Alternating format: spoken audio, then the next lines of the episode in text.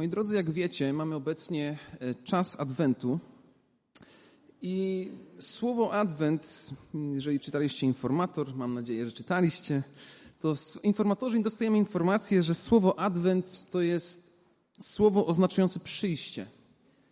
Słowo oznaczające przyjście, oczywiście w domyśle Mesjasza, w domyśle tego, na którego Żydzi czekali, który będzie ich zbawicielem, ale jak wiemy, z perspektywy chrześcijańskiej ten Mesjasz już przyszedł i dlatego my dzisiaj jako chrześcijanie nie czekamy na to obiecane przyjście Mesjasza, my czekamy na Jego ponowne przyjście, na Jego ponowny powrót.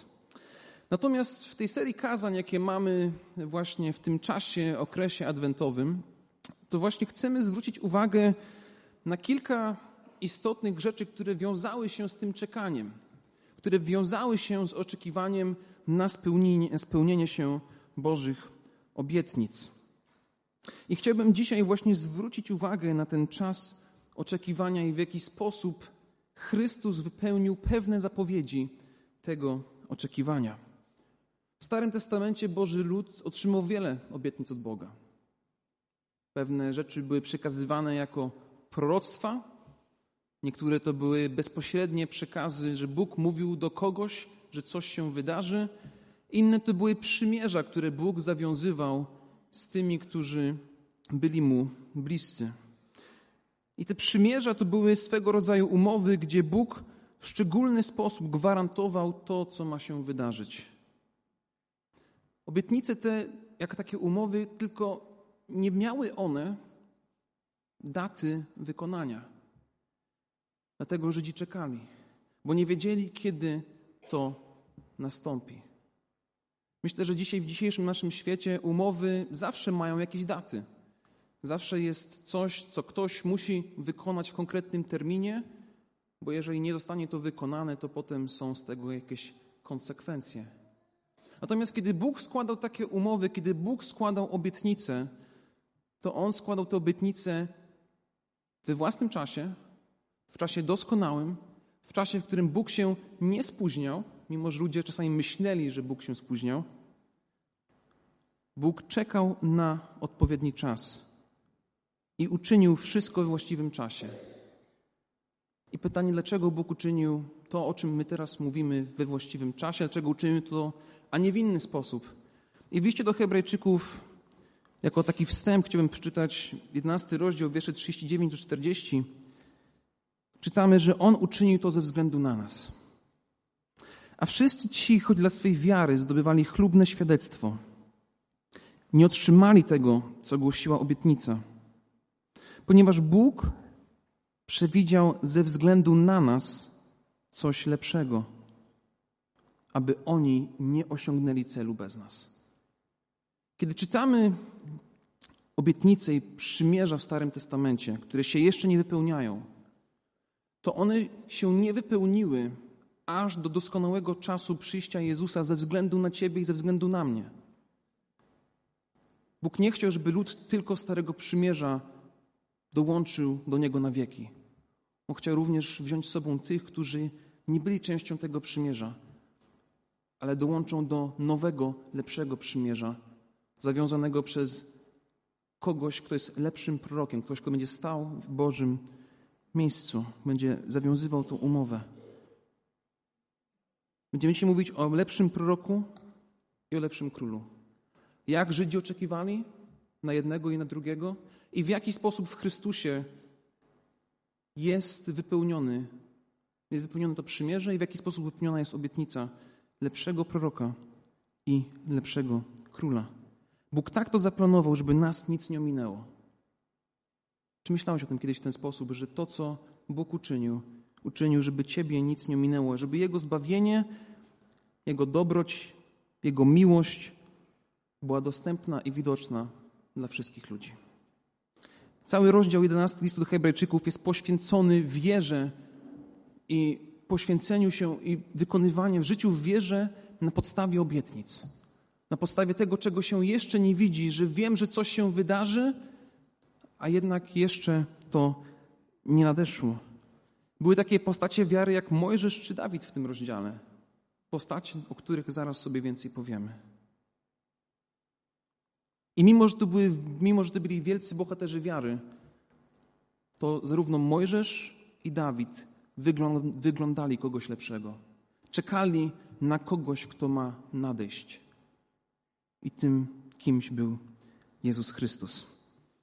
Moi drodzy, oni się za swojego życia nie doczekali. Oni się nie doczekali tego, zarówno Mojżesz i Dawid, mimo że otrzymali konkretne obietnice od Boga, to jednak musieli żyć z pewną świadomością tego, że nie ujrzeli w pełni tego, co Bóg zaplanował. Zachęcam Was do tego, żebyśmy otworzyli dzieje apostolskie. Przeczytamy trzeci rozdział, wiersze od 20 do 26. Znajdujemy tutaj jedną z pierwszych właśnie tych obietnic, o których mówimy, czyli obietnicę daną Mojżeszowi, tego, co się wydarzy i w jaki sposób Bóg będzie działał. Dzieje apostolskie, trzeci rozdział, wiersze od 20 do 26. Aby nadeszły od Pana czasy ochłody, aby posłał przeznaczonego dla Was Chrystusa Jezusa, którego musi przyjąć niebo aż do czasu odnowienia wszech rzeczy. O czym mówił od wieków Bóg przez usta świętych proroków swoich. Wszak Mojżesz powiedział: Proroka jak ja spośród braci waszych wzbudzi wam Pan. Jego słuchać będziecie we wszystkim, cokolwiek do was mówić będzie. I stanie się, że każdy, kto by nie usłuchał owego proroka, z ludu wytępiony będzie. I wszyscy prorocy, począwszy od Samuela, którzy kolejno mówili, zapowiadali te dni. Wy jesteście synami proroków i przymierza, które zawarł Bóg z ojcami waszymi, gdy mówił do Abrahama, a wy w potomstwie błogosławione będą narody ziemi. Wam ten Bóg, najpierw wzbudziwszy syna swego, posłał go, aby wam błogosławił, odwracając każdego z was od złości waszych. Zacznijmy może sobie od e, zdefiniowania tego, kim jest prorok. Kim był prorok? Może to jest dosyć podstawowa rzecz, może to jest coś dosyć oczywistego, aczkolwiek w perspektywie tego przymierza, które patrzymy, myślę, że to ważne. Może ktoś jest nowy na nabożeństwie i nie wie, kim był prorok. Zastanówmy się nad tym, kim był prorok. Dzisiaj najczęściej, kiedy się słyszy słowo prorok, to się myśli w kategoriach przepowiadania przyszłości kogoś, kto posiada szczególne obdarowanie do tego, żeby powiedzieć to, co się ma wydarzyć. I oczywiście w perspektywie Biblii należałoby oczekiwać, że to, co kto zapowiada, faktycznie miałoby się wydarzyć. Ale o ile jest to prawda, że jedną z rzeczy, którą prorocy się zajmowali, to było zapowiadanie tego, co Bóg chce uczynić, to była to tylko część tego, czym się prorocy zajmowali ponieważ najważniejszym zadaniem proroka było przemawianie w czyimś imieniu, a konkretniej w imieniu Boga. Sens tej funkcji najlepiej oddaje sytuacja, w której Mojżesz odmówił przemawiania do faraona. Kiedy Bóg powiedział: idź do faraona i mów, i Mojżesz mu się sprzeciwił. Bóg wtedy ustanowił jego brata Arona, aby on stał się prorokiem Mojżesza. Zwróćcie uwagę na wersety, cudowne, niesamowite wersety z Księgi Wyjścia, siódmy rozdział, wierszy pierwszy i drugi. I rzekł Pan do Mojżesza, oto ustanawiam Cię Bogiem dla Faraona, a brat Twój Aaron będzie Twoim prorokiem. A brat Twój Aaron będzie Twoim prorokiem. Ty będziesz mówił do niego wszystko, co Ci rozkaże, a brat Aaron Twój będzie mówił do Faraona, aby wypuścił synów izraelskich z ziemi swojej. Kim to Aaron? Aaron został nazwany prorokiem Mojżesza, ponieważ mówił to, co mówił Mojżesz. A Mojżesz został nazwany prorokiem, ponieważ mówił to, co mówi Bóg. To hebrajskie słowo nawi, które tu się pojawia, czyli prorok, właśnie to oznacza. Ten, który mówi do kogoś w czyimś imieniu. Dlatego, kiedy ktoś był prorokiem, można było ufać, że to, co mówi, jest faktycznym Bożym Słowem, o ile nie był fałszywym prorokiem. Bo to, co mówił prorok, było Bożym Słowem. To nie mogły być jego własne przemyślenia, jakieś luźne inspiracje, ale faktyczne słowa pochodzące od Boga, które były im przekazywane bezpośrednio albo pośrednio przez sny i wizje. Wiemy, że są całe księgi, gdzie jest pewna wizja, szczególnie Księga Daniela jest taką księgą bardzo symboliczną w różny sposób, ukazujące to, co się ma wydarzyć. Natomiast w Księdze Jeremiasza czytamy takie słowa, rzekł do mnie Pan, oto wkładam moje słowa w Twoje usta. Wkładam moje słowa w Twoje usta. Więc prorok w domyśle był po prostu kimś, kto mówił, ale nie mówił on, tylko mówił przez niego Bóg. Prorocy to byli mówcy Boga, przekazujący zarówno dobre wieści, jak i złe. I w tym fragmencie, który tutaj czytaliśmy, dostajemy obietnicę, zapowiedź pewnego proroka. Jest to dwojaka obietnica, ponieważ w rozumieniu ówczesnym Izraela było to zrozumienie, że Bóg ich nie opuści, bo to jest przesłaniem kierowane do Mojżesza w momencie, kiedy już przestaje de facto być przywódcą i musi oddelegowywać pewne rzeczy, więc Bóg mówi: Będę miał proroka. I w tamtych czasach myśleli, że to będzie następny prorok, ten, który będzie kolejnym, to pewnie będzie cudownym następcą Mojżesza. Bo to również obietnica tego, że faktycznie Bóg się będzie przyznawał do swojego ludu po odejściu Mojżesza. Że jak Mojżesza nie będzie, to Bóg nie zostawi swojego ludu. Tak to było rozumiane. Natomiast obietnica to również miała wymiar mesjanistyczny i wskazywała na nadejście tego jedynego proroka, tego ostatecznego, tego podobnego do Mojżesza. I Żydzi też to tak rozumieli. Jednym z najbardziej oczywistych kandydatów był Jozue, czyli bezpośredni następca Mojżesza. Tylko jak się okazało, Jozue nie był prorokiem w taki sam sposób, jak był Mojżesz. Był namaszczony, stał przed ludem, jest nawet napisane, że spoczywał na nich duch pański, ale Jozue był wojownikiem. On był administratorem. On się zajmował kreowaniem państwa, kreowaniem tych plemion, które weszły do ziemi obiecanej. On się tym zajmował. To nie był prorok w takim sensie jak Mojżesz. I oczywiście późniejsi prorocy również nie byli tacy jak Mojżesz, bo Mojżesz stał się pewnego rodzaju standardem. Jeżeli byśmy spojrzeli na Księgę Powtórzonego Prawa, tam jest ukazane porównanie proroka takiego jak ty, proroka taki jak Mojżesz. Natomiast w późniejszych latach życia Izraela ta obietnica była już interpretowana wyłącznie pod kątem mesjanistycznym. I są dowody na to, że społeczność w Qumran spodziewała się nadejścia proroka podobnego do Mojżesza. Natomiast Samarytanie oczekiwali proroka Mesjasza, nazywanego przez nich Tacheb. Były dwie różne tradycje żydowskie, które były w tym samym czasie prowadzone. Byli Żydzi, którzy bazowali na podstawie Pisma Świętego i byli Samarytanie, którzy na, na podstawie Pisma Świętego i jeszcze dodatkowych różnych innych pism. I w Nowym Testamencie, kiedy dostajemy informację o tym, jak Jezus przychodzi i zostaje rozpoznany jako prorok, zostaje rozpoznany właśnie jako ten Tacheb. Mamy pewną historię w Nowym Testamencie Ewangelii Jana, kiedy Jezus spotyka Samarytankę przy studni, prowadzi z nią rozmowę. To w pewnym momencie kieruje ta Samarytanka do Jezusa następujące słowa. Rzekł mu niewiasta, wiem, że przyjdzie Mesjasz, to znaczy Chrystus. Gdy On przyjdzie, wszystko nam oznajmi. Rzekł jej Jezus, ja, który mówię z Tobą, jestem Nim. I to jest bardzo ciekawe, że w tych wersach, tych wierszach jest napisane, czekamy na Mesjasza, i potem apostoł Jan dodaje taki dodatkowy komentarz, mówi, to znaczy Chrystus. Ponieważ ten Mesjasz samarytański był troszkę inny. To nie był ten, który ma przychodzić zbawiać lud, to raczej był taki prorok złych wieści, taki, że on przychodzi wraz z końcem świata. A mimo to, mimo to, Jezus mówi, ja, który mówię z Tobą, jestem z Nim. Kobieta mówi: Spodziewamy się, oczekujemy tego, który nam wszystko wyjaśni. A Jezus mówi: To ja jestem tym, na którego czekasz. Moją misją, moim zadaniem jest właśnie przekazywanie prawdy moim Ojcu. To jest moje zdanie, to jest moja misja. Ja chcę to wprowadzić w Twoje życie. I myślę, że tutaj do czego Jezus się odwołuje, jest jedno z najgłębszych i najważniejszych pragnień człowieka. Pragnienie prawdy.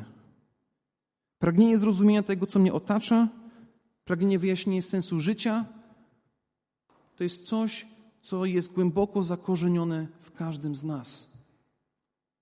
Ta kobieta czekała na kogoś, kto jej to wszystko wyjaśni. Nawet jeśli to pragnienie nie miało jakichś konkretnych podstaw biblijnych, może były troszkę w inny sposób nakierowane, ale to pragnienie tam było. Czekała na tego Mesjasza Tacheba i pomimo tego, że Jezus w inny sposób przychodzi, daje jej inną odpowiedź, to On jednak jest odpowiedzią na jej największe pragnienie, na jej największy problem. I Jezus mógł to uczynić z dwóch powodów. Po pierwsze, jako prorok On wprowadza ludzi, a obecnie świat we wszelką prawdę o Bogu i oferuje najdoskonalsze wyłożenie Bożej woli. Więc jako prorok tego dokonał. A po drugie, może to uczynić jako prorok, ponieważ Jezus jest wcielonym Bożym Słowem, więc najlepiej wie, co to słowo oznacza. Jezus jest Bożym Słowem. To jest jedno z najpiękniejszych świadectw Bożego Narodzenia, kiedy czytamy często fragment o tym, że Słowo ciałem się stało. I potem wiemy, że to Słowo, które ciałem się stało, stało się pełnym objawieniem Boga, który jest w niebie. Więc mając Jezusa, mamy Boga Ojca. To się stało w Jezusie. Więc zastanówmy się nad tymi dwoma kwestiami.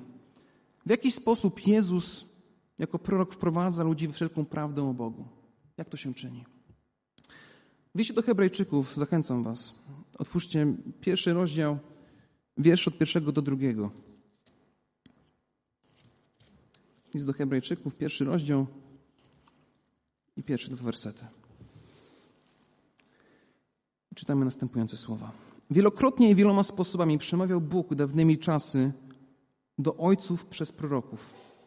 Ostatnio u kresu tych dni przemówił do nas przez Syna, którego ustanowił dziedzicem wszech rzeczy, przez którego także wszechświat stworzył. On, który jest odblaskiem chwały i odbiciem Jego istoty i podtrzymuje wszystko słowem swojej mocy. Dokonawszy oczyszczenia z grzechów, zasiadł po prawicy majestatu na wysokościach. Do czasu przyjścia Jezusa proroctwa i te, które były spisywane, były przekazywane jakby w takich fragmentach. Żaden prorok starotestamentowy nie miał pełni zrozumienia tego, co się ma wydarzyć. Nie było pełni tego, co się dzieje. To były takie fragmentaryczne części tego, co będzie, jak to będzie wyglądało, i z czasem tych elementów było coraz więcej. Tych puzli pojawiało się na planszy coraz więcej. Ale jak się nie ma całych puzli ułożonych, to nie widzi się tego obrazu, na który się czeka. I tak samo było z nimi. Oni mówili, zapowiadali, a jednak dopiero z Chrystusem to się wszystko zaczęło wyjaśniać. Gdybyśmy spojrzeli na Stary Testament, to można zobaczyć, jak z czasem te puzzle się układają. Zaczynając od obietnicy danej Adamowi, w której poznajemy, że Mesjasz będzie człowiekiem.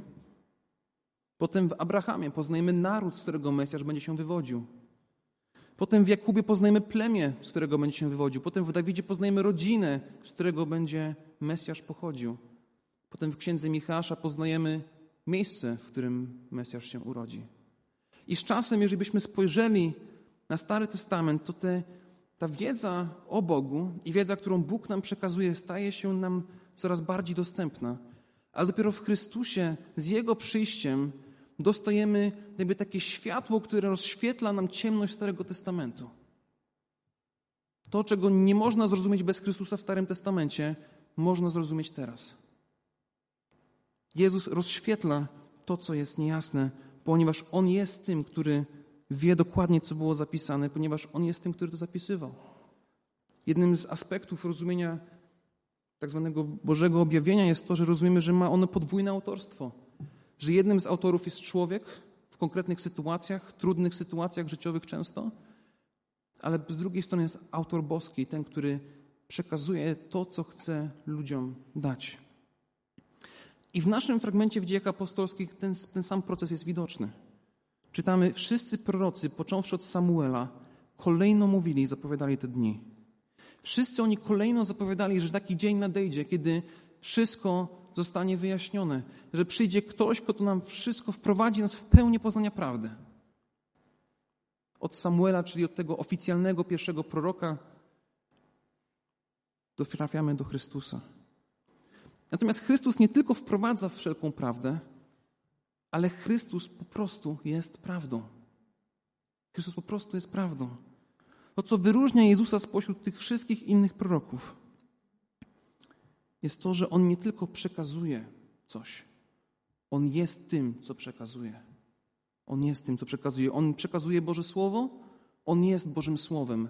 On nie tylko mówi o tym, jak żyć, On jest życiem. On to czyni. I chciałbym przytoczyć słowa jednego z autorów, które wydaje mi się bardzo dobrze to oddają. Napisał tak: Chrześcijaństwo, moi drodzy przyjaciele, nie jest filozofią. To prawda, że daje początek filozofii.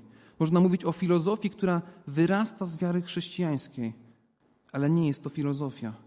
Jest to dynamiczna siła, która przekształca każdy dział życia, ponieważ jest to osoba. Chrześcijaństwo to Chrystus. Ponieważ Jezus przychodzi i ponieważ przez Niego i tylko przez Niego możemy znaleźć nasz logos, nasz sens. Możemy powiedzieć, że On jest prawdą. O tym właśnie mówi się tutaj. Jezus nie jest abstrakcyjnym kawałkiem prawdy. On jest Twoją alfą i Twoją omegą. On jest tym, przez co zostałeś stworzony i tym, dlaczego zostałeś stworzony. To jest ten, co nadaje Ci sens. To jest Jezus na początku, Jezus po środku i Jezus na końcu. Chrześcijaństwo to jest Jezus. Ten, który wchodzi w nasze życie, który przemienia nasze życie, ponieważ jesteśmy doświadczeni przez Niego. I to jest właśnie przesłanie tego proroka, o jakim tu mówimy. Ten prorok przyszedł, miał konkretne przesłanie. I w naszym fragmencie czytamy o tym, że jeżeli stanie się tak, kto by nie usłuchał owego proroka, z ludu wytępiony będzie. Oznacza to, że to nie jest tylko pewna prawda, a jest to prawda, z którą trzeba się zmierzyć w swoim życiu. Prawda przekazana i prawda doświadczona. I w życiu jest tak, że fałsz nas nie porusza. Jeżeli coś jest fałszywe, to wydaje się, że bardzo łatwo fałsz potrafimy wyłapać. Jeżeli ktoś fałszywie wobec nas postępuje, to zazwyczaj możemy to wyczuć. Nie zawsze, ale zazwyczaj tak bywa. Natomiast pewne prawdziwe momenty w naszym życiu, pewne prawdziwe chwile, kiedy ktoś faktycznie czegoś doświadcza, przez coś przechodzi, to są te rzeczy, które nas ruszają. To, co jest prawdziwe. Dlaczego? Bo szukamy czegoś, co jest prawdziwe. Każdy z nas szuka tego, co jest prawdziwe w swoim życiu, więc kiedy widzimy na chwilkę prawdę w czyimś życiu, to nas często porusza do głębi. Dlatego powstają filmy na podstawie faktów, które w jakiś sposób mają nas wzruszyć, mają nas poruszyć. Ludzie tego szukają, tego pragną. Więc pytanie jest takie, czy ty się zmierzyłeś z tym, co mówił Chrystus? Czy ty doświadczyłeś Chrystusa w swoim życiu? Bo jest tyle rzeczy, które chwilowo potrafią być prawdziwe, ale ostatecznie naprawdę nie dają ukojenia. To, co fałszywe, ostatecznie rani, natomiast prawda leczy rany i uzdrawia to, co zakryte. Czytamy przecież w Ewangelii Jana: Poznacie prawdę, a prawda was wyswobodzi. Ale tutaj trzeba dać małą przestrogę i zarówno zachętę. Ponieważ kiedy prawda, kiedy Jezus wchodzi w Twoje życie, to On odkrywa to, co jest najbardziej zakryte. To, czego nie chcesz, aby ktokolwiek inny zobaczył, to, czego nie chcesz tego wiedzieć, żeby to ktokolwiek o tym wiedział, i potem dotyka tego, co jest bolesne, to, co jest nam przykre, i zaczyna to zmieniać. I potem po jakimś czasie możemy się zaskoczyć. Byłem takim człowiekiem, teraz jestem takim. Co się wydarzyło? Okazało się, że się zmierzyłeś, spotkałeś się z żywym Chrystusem. I to jest piękne, to jest wspaniałe, ale równocześnie potrafi być przerażające, ponieważ są pewne rzeczy, są pewne sprawy, z którymi jest nam dobrze i których nie chcemy zmieniać. Nie chcemy zmieniać. A jednak kiedy zmierzamy się z Chrystusem, kiedy On nam powie i to usłyszymy, to potrafi nas przeszyć na wylot, na drugą stronę. Pamiętacie, jak chwilę temu wspominałem Samarytankę? Czy wiecie, dlaczego ona rozpoznała w Jezusie proroka? Czy wiecie, dlaczego ona zrozumiała, że Jezus jest wyjątkowy, że On się różni od tych wszystkich innych nauczycieli z tamtych czasów? ponieważ Jezus powiedział jej coś, czego się nie spodziewała. Powiedział jej coś, co miała prawdopodobnie nadzieję, że nikt inny nie będzie wiedział. Ewangeliana 4, 15, 19 czytamy: Miałaś bowiem pięciu mężów, a ten, którego teraz masz, nie jest twoim mężem. Prawdę powiedziałaś. Rzekła mu niewiasta: Panie, widzę, żeś prorok. Panie, widzę, żeś prorok. Jezus wejrzał w głąb tej kobiety, zobaczył, z czym ona się mierzy. I po prostu jej to powiedział. Zadaj pytanie, dostała odpowiedź i on rozpoznała w nim kogoś wyjątkowego. To nie jest wiedza, jaką chciała się dzielić, ale przy spotkaniu Chrystusa, po rozmowie z nim była tak dotknięta, była tak poruszona tym doświadczeniem, że się wróciła do swojego miasta i mimo, że prawdopodobnie unikała ludzi, bo przyszła do studni w takim czasie, że ludzie tam nie powinni być, a jednak trafiła na Jezusa, to ona wróciła do swojego miasta, trzeba ludziom opowiadać o tym, że Jezus wiedział o tym, co się jej w życiu dzieje. I zaczęła być zafascynowana tym człowiekiem, tym prorokiem. I zaczęła się tym dzielić, tym, co, się, co przeżyła, i okazało się, że wiele innych osób przyszło do Jezusa i też uwierzyło. Jeżeli to nie jest świadectwo nawrócenia, to ja nie wiem, co jest. Ktoś, kto faktycznie był, wyjrzał w głąb. Jezus wyjrzał w głąb i zobaczył, co tam się dzieje. I potem dał możliwość doświadczenia tej prawdy. Bo Jezus był prorokiem, był tym, co mówił i głosił prawdę, ale równocześnie dawał ludziom doświadczyć tej prawdy i być przez nią przemienionym. Czy ty tego doświadczyłeś w swoim życiu? Czy ty doświadczyłeś prawdy Chrystusa? Czy ona przemienia twoje serce? Czy rozświetla pewne ciemności, z którymi nie chcesz się mierzyć? Jeśli tak, to dzisiaj jest dzień, żeby faktycznie posłuchać się głosu prawdy i doznać tego uwolnienia. Prawda to w naszym życiu czyni. Jezus to w naszym życiu czyni.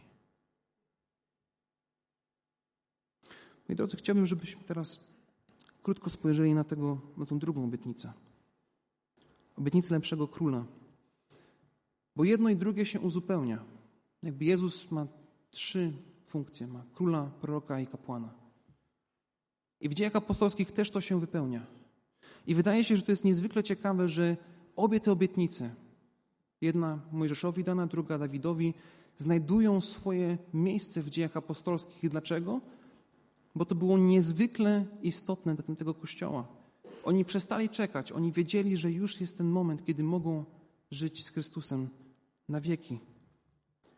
Jeżeli macie Biblię, zachęcam Dzieje Apostolskie, drugi rozdział, wiersze 29 do 35. Dzieje Apostolskie, drugi rozdział, wiersze 29 do 35.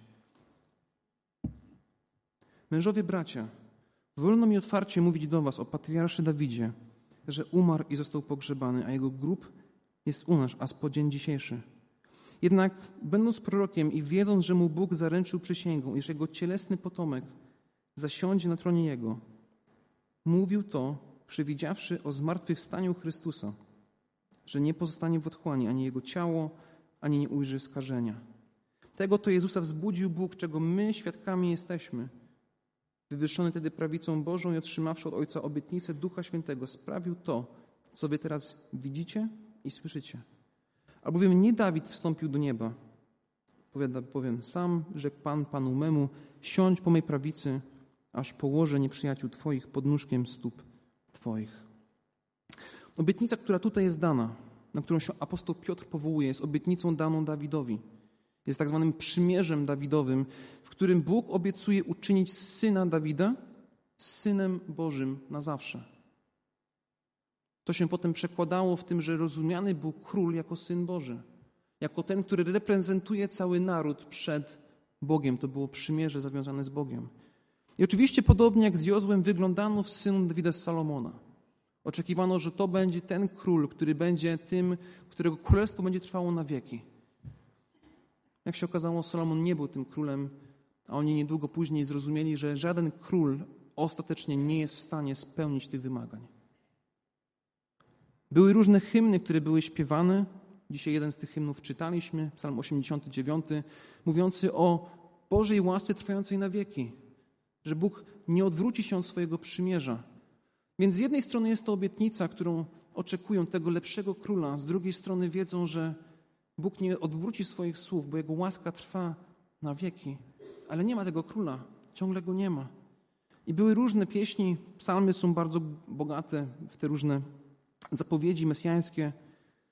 Natomiast bardzo szybko stało się jasne, że żaden z tych królów związanych z pierwszą świątynią, z tamtym pierwszym czasem, nie jest odpowiednią osobą do tego, żeby to wypełnić. Nie jest w stanie. Żaden ludzki król, żaden ludzki prezydent, żaden ludzki premier nie będzie miał królestwa ani narodu albo państwa, które będzie żyło na wieki. I myślę, że to jest rzecz, za którą warto być Bogu wdzięcznym. Gdybyśmy mieli ludzi, którzy cały czas żyją na wieki, ludzi, którzy są skażeni grzechem, którzy mają myśli, które potrafią naprawdę ludzi w różne miejsca prowadzić, to nasze kraje, nasze państwa, nasze narody po prostu byłyby w tragicznym miejscu. A tak to każdy z nas, chcąc nie chcąc, rodzi się na tej ziemi i z tej ziemi odchodzi. Więc też władza się zmienia naturalnym biegiem rzeczy z czasem. Jednak teraz mamy króla, który żyje na wieki. Mamy króla, który obecnie siedzi po Bożej prawicy, który nie odstąpi od swoich obowiązków, który nigdy nie zmieni swojej pozycji. To właśnie jest Jezus. Czytamy o tym, że On jest obecnie po Bożej prawicy. On wstąpił na tron do nieba. I ten, o którym my teraz mówimy, to jest ten sam, o którym będziemy za parę, dwa, za dwa tygodnie świętować Jego narodziny.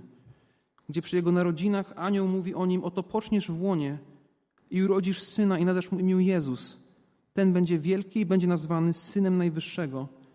Zwróć uwagę, to już jest wypełnienie tego przymierza. I da mu Pan Bóg tron jego ojca Dawida.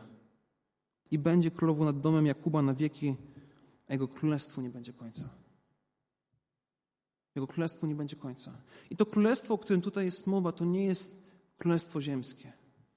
To nie jest wprowadzenie nowej polityki, to nie jest prowadzenie nowej strategii, nowych rzeczy, nowej władzy, mimo że może niektórzy uczniowie tego od Jezusa oczekiwali. Może chcieli, żeby Jezus stał się takim wyzwolicielem spod mocy Imperium Rzymskiego, ale się okazuje, że Jezus nie taki miał cel. On chciał nas wyzwolić czegoś o wiele gorszego, naszej własnej grzeszności, z tego, z czym my się, każdy z nas musi mierzyć. I się okazuje, że zwycięstwo tego króla i sposób, w jaki my się stajemy częścią jego narodu, częścią jego ludu, ludu Nowego Przymierza, jest doskonale opisany w Księdze Objawienia w czwartym rozdziale. To będzie nasz ostatni tekst i chciałbym, żebyśmy na niego zwrócili tu uwagę. Jest tutaj ukazany niesamowity obraz tego, w jaki sposób Jezus jako król dokonuje tego, czego żaden inny król nie był w stanie dokonać.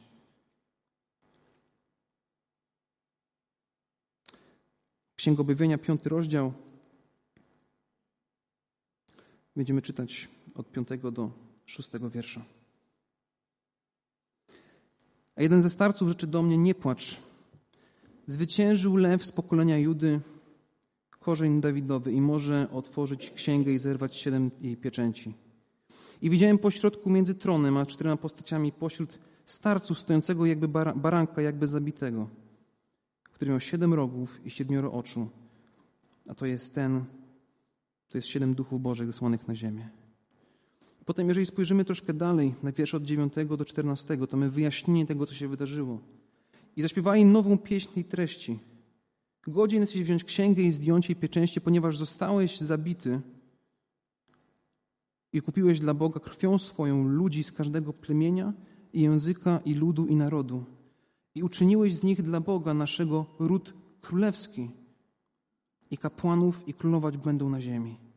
A gdy spojrzałem, usłyszałem głos wielu aniołów wokoło tronu i postaci i starców, a liczba ich wynosiła krocie tysięcy i tysiące tysięcy. I mówili głośnym do, głosem donośnym, godzin jest ten baranek zabity, wziąc moc i bogactwo i mądrość i siłę i cześć i chwałę i błogosławieństwo. My się staliśmy ludem Bożym przez to, że Chrystus się za nas poświęcił na krzyżu.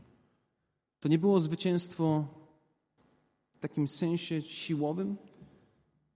Oczywiście była tutaj pewna walka duchowa, która zaszła i Jezus tą walkę zwyciężył, ale On ją zwycięża na krzyżu. Mamy tutaj dwa obrazy. Mamy obraz lwa, zwycięskiego lwa, ale kiedy znowu Jan patrzy na tego Jezusa, widzi na nim baranka Bożego, ten, który swoją krwią zapłacił za Twoje, za twoje winy. I albo może być tą krwią obmyty, albo tą krwią będziesz sądzony.